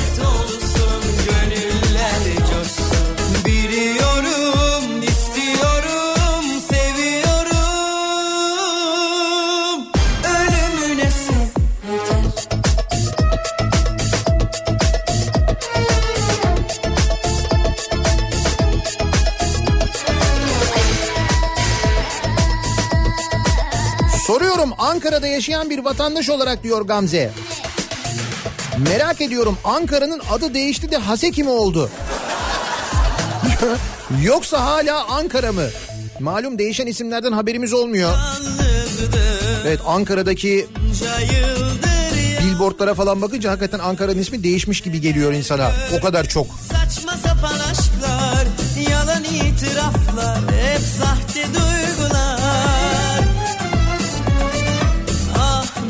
Ha bu kolay soru. Soruyorum. Silimani kaç gol atmıştır? Yok. 2, 3. sana adadım Okan sormuş ama kolay sormuş yani. Buldum ol sıkı sıkı sıkı sıkı sar beni Al gönlüne yine deli gibi yor beni Muhabbet olsun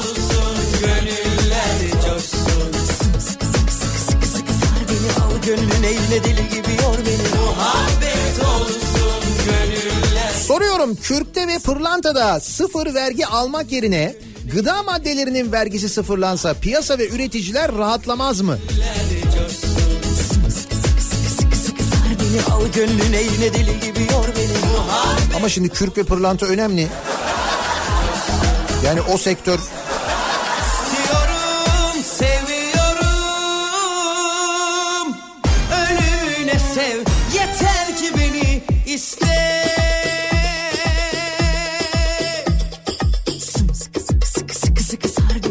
gönlüne yine deli gibi yor beni. Muhabbet olsun Gönüller coşsun. Sımsıkı sıkı sıkı sıkı sıkı sar beni Al gönlüne yine deli gibi yor beni. Muhabbet olsun Gönüller coşsun. Sımsıkı sıkı sıkı sıkı sıkı sar beni Al gönlüne yine deli gibi yor beni. Muhabbet olsun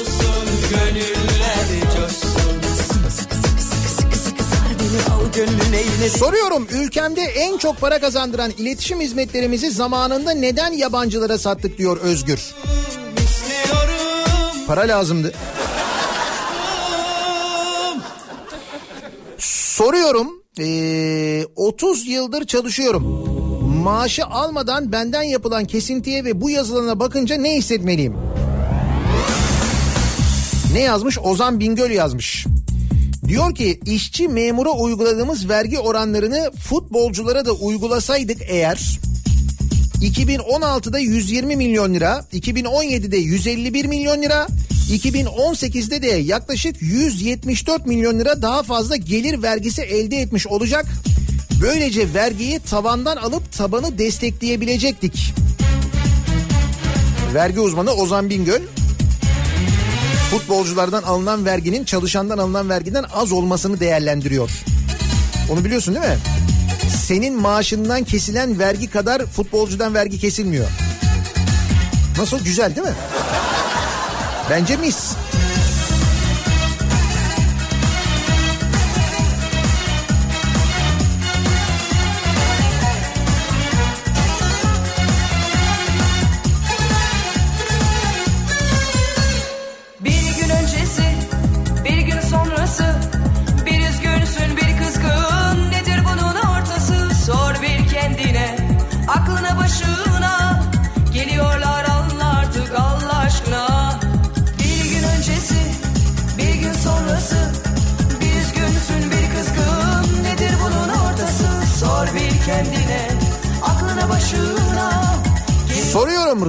Amerika'da değil mi? Neden bu konuyla ilgilenmiyor?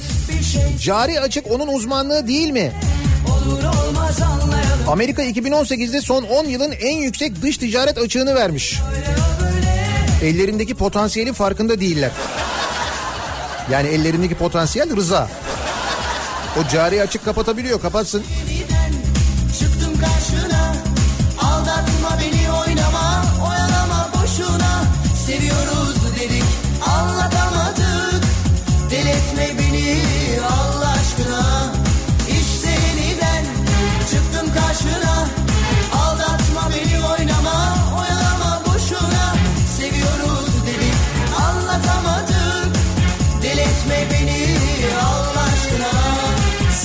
Ülkenin tarım reformu neden ziraat fakültesi mezunlarına emanet edilmiyor?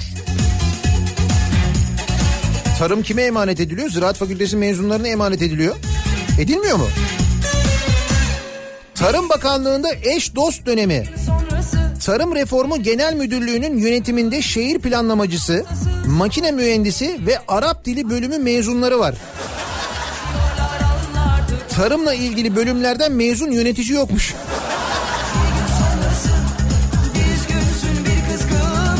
Sonra diyoruz ki tarım niye bu halde? Bak Tarım Reformu Genel Müdürlüğü yönetimi.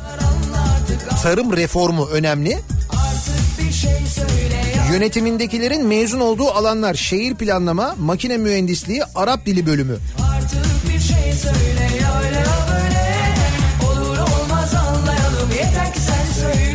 Sen de ziraat mühendisi olarak ne bekliyorsun? Atama bekliyorsun değil mi? Tarım niye bu halde?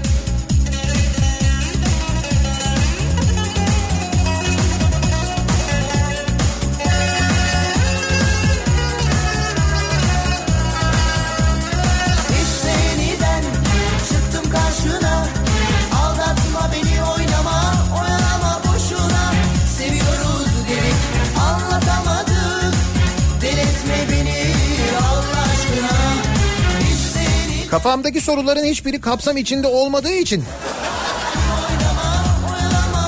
ben de soruyorum okeyde taş çalmak günah mıdır? Günahtır tabii.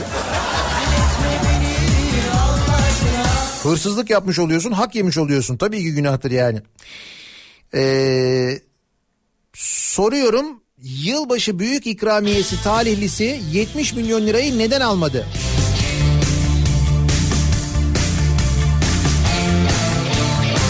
Bununla ilgili Milli Piyango dün bir açıklama yapmış hala ikramiyeyi almadı diye. Bu ara Milli Piyango'dan sürekli böyle şey geliyor açıklama geliyor sürekli bir bilgilendirme değil mi? Soruyorum Atatürk Havalimanı'nın Mart ayında kapanacağı dünyaya resmen duyurulmuştu. Uzatma kararı da duyuruldu mu? Evet duyuruldu. 7 Nisan denildi. Ama aslında duyurmayaydık iyiydi bence. O 7 Nisan da olmaz zor görünüyor yani. Sanki sonbahara kadar devam edecekmiş gibi duruyor. Ceza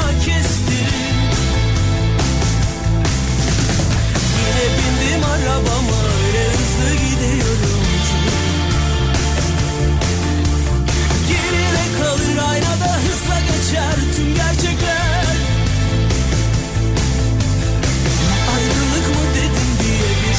CD çalarda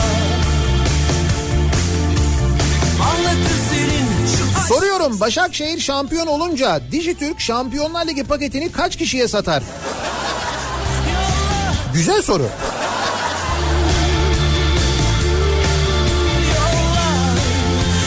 Peki ya bu üç büyük takım mesela?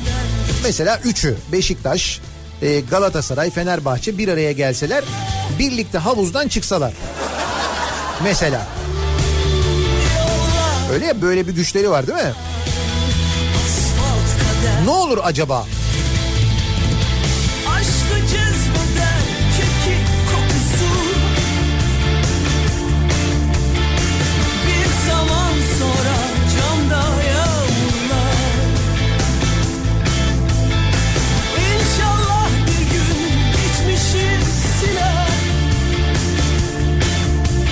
Soruyorum Melik Gökçek gittikten sonra dış güçler neden yağmur yağdırmıyor Ankara'ya?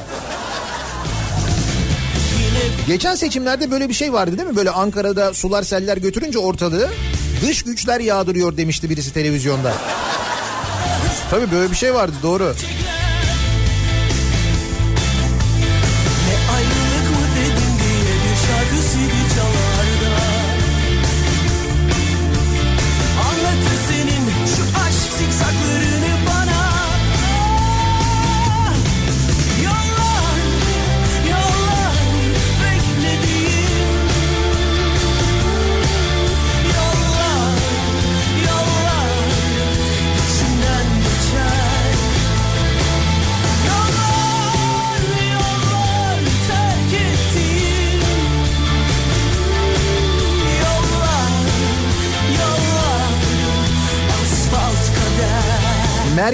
Merkez Bankası'nın bazı yanlış adımlar atmasından dolayı enflasyon yükseliyormuş. Soruyorum elektriğe yüzde 44, doğalgaza yüzde 94, benzine yüzde 43, mazota yüzde 46. İlaca yüzde 26 zam gelmiş. Bunların hepsi mi Merkez Bankası'nın kabahati diyor bir dinleyicimiz. Ne oldu en son Merkez Bankası'nın patladı iş? Heh.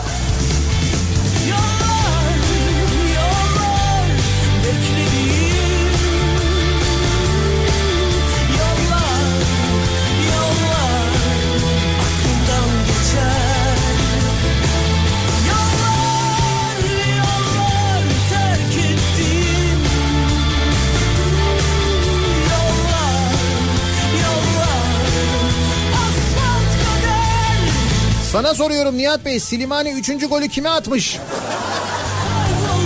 Daha ikili o arkada öyle mi? İki mi ya? Yine ben bonkör yüzde elli fazla söylemişim resmen ya. Yollar,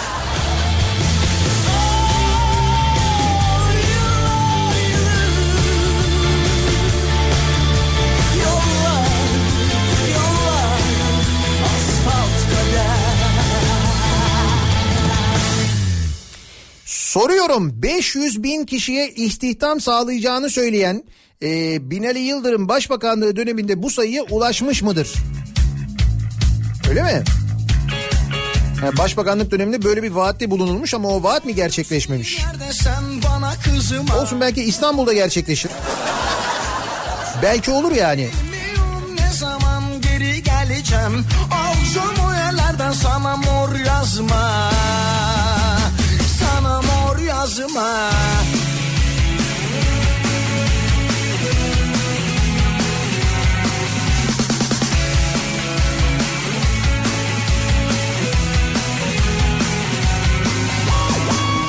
Aşık oldum kapıldım hissini istedim babandan Soruyorum pazartesi benzine gelecek haşır dev zam doğru mu?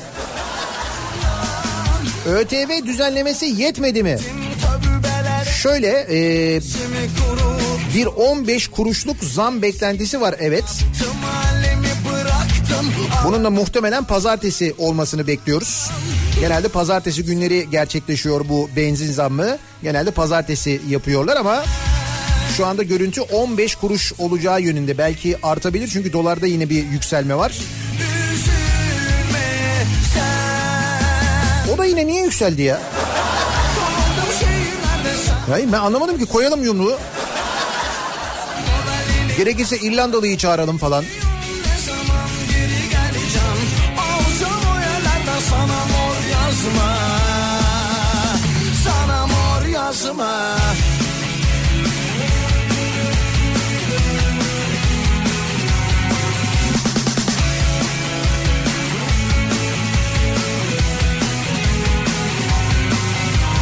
ne hale geldim tövbeler ettim Soruyorum Sağlık Bakanlığı Lösante'ye yani LÖSEV'in hastanesine neden ruhsat vermiyor?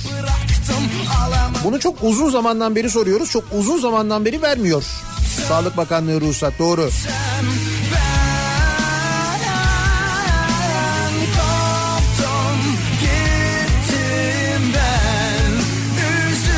Soruyorum diyor Muharrem. Bir yanlışlık yaptığımda yenisi verilmediğine göre onca fazladan pusula neden basılıyor? Kaç adedi nereye gönderiliyor? Geri alınıyor mu?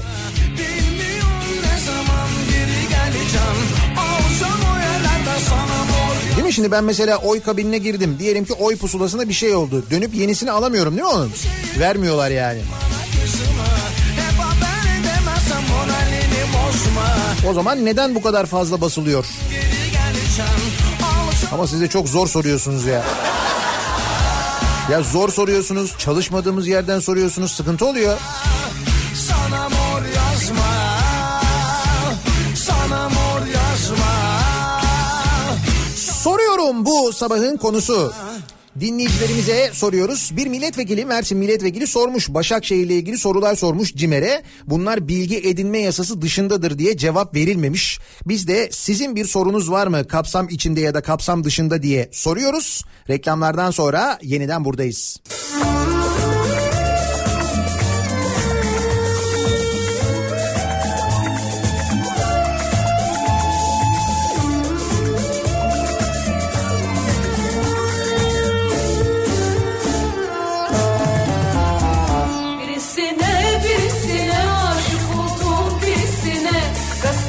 çok zor şeydir böylesine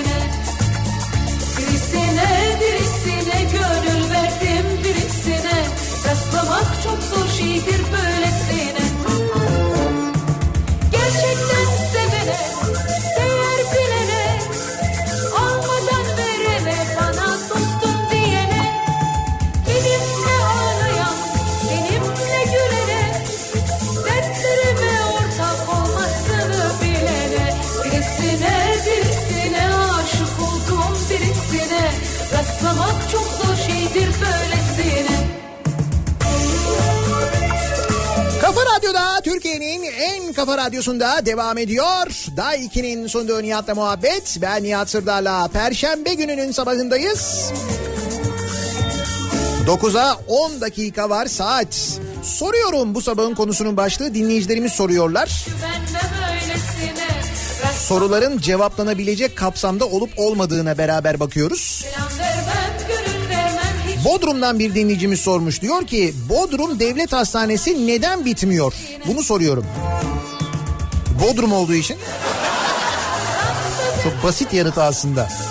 Mesela neden e, Marmaray Bahçeşehir'e uzamıyor? Marmara şey Bahçeşehir olduğu için.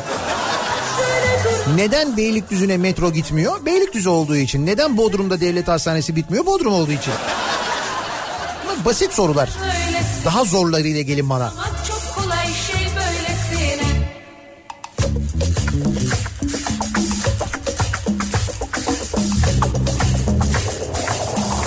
Soruyorum Beşiktaş'ımın başına kim gelecek? Ve bu kadar çalışma ile dünyayı biz mi kurtaracağız? Bugün Şenol Hoca bir basın toplantısı düzenleyecekmiş belli olacak anladığım kadarıyla. Gerçekten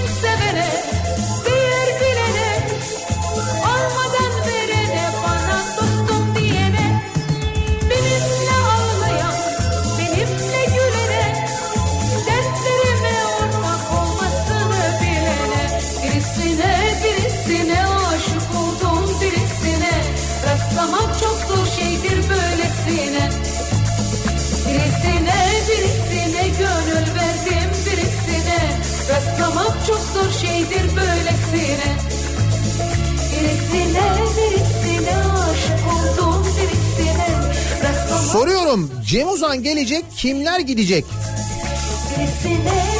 Valla Cem Uzan gelince bir kere döner gelecek o belli de.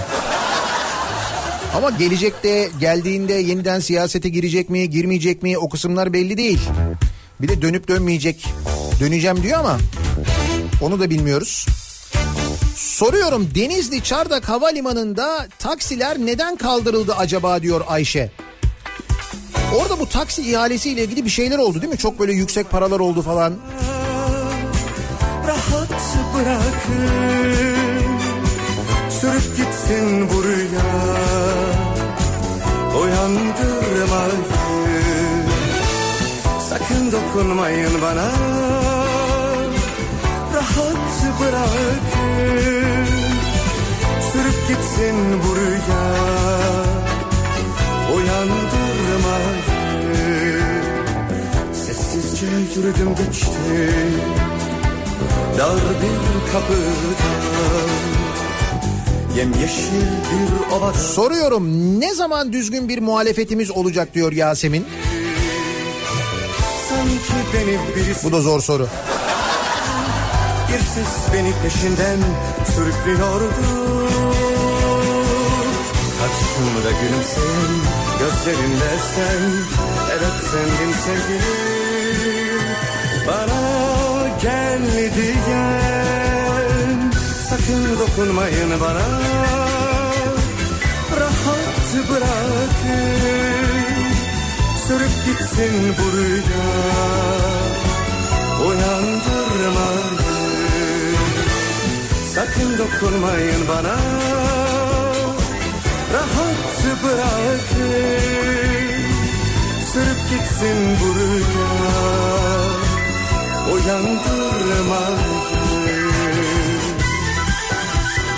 Yap işte devret modelinde iş alan firmalar yapacakları iş için gerekli finansmanlarının ne kadarını devlet bankalarından kullanıyor diye soruyor Gökhan.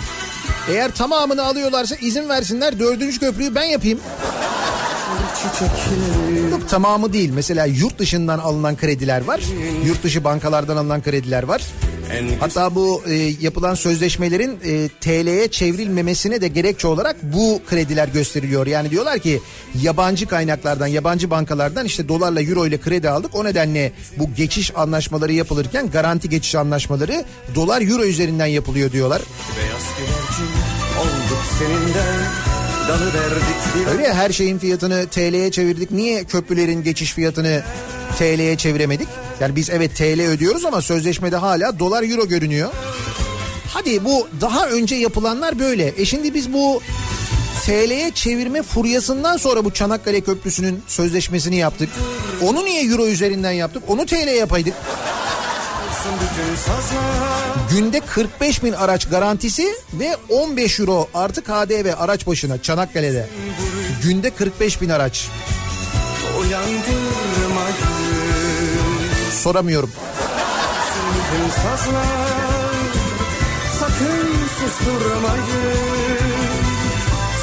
Programımızın sonuna geliyoruz. Mikrofonu Kripto Odası'na Güçlü Mete'ye devrediyorum. Ben akşam eve dönüş yolunda Sivrisinek'le birlikte yeniden bu mikrofondayım. 18 haberlerinden sonra tekrar görüşünceye dek hoşçakalın.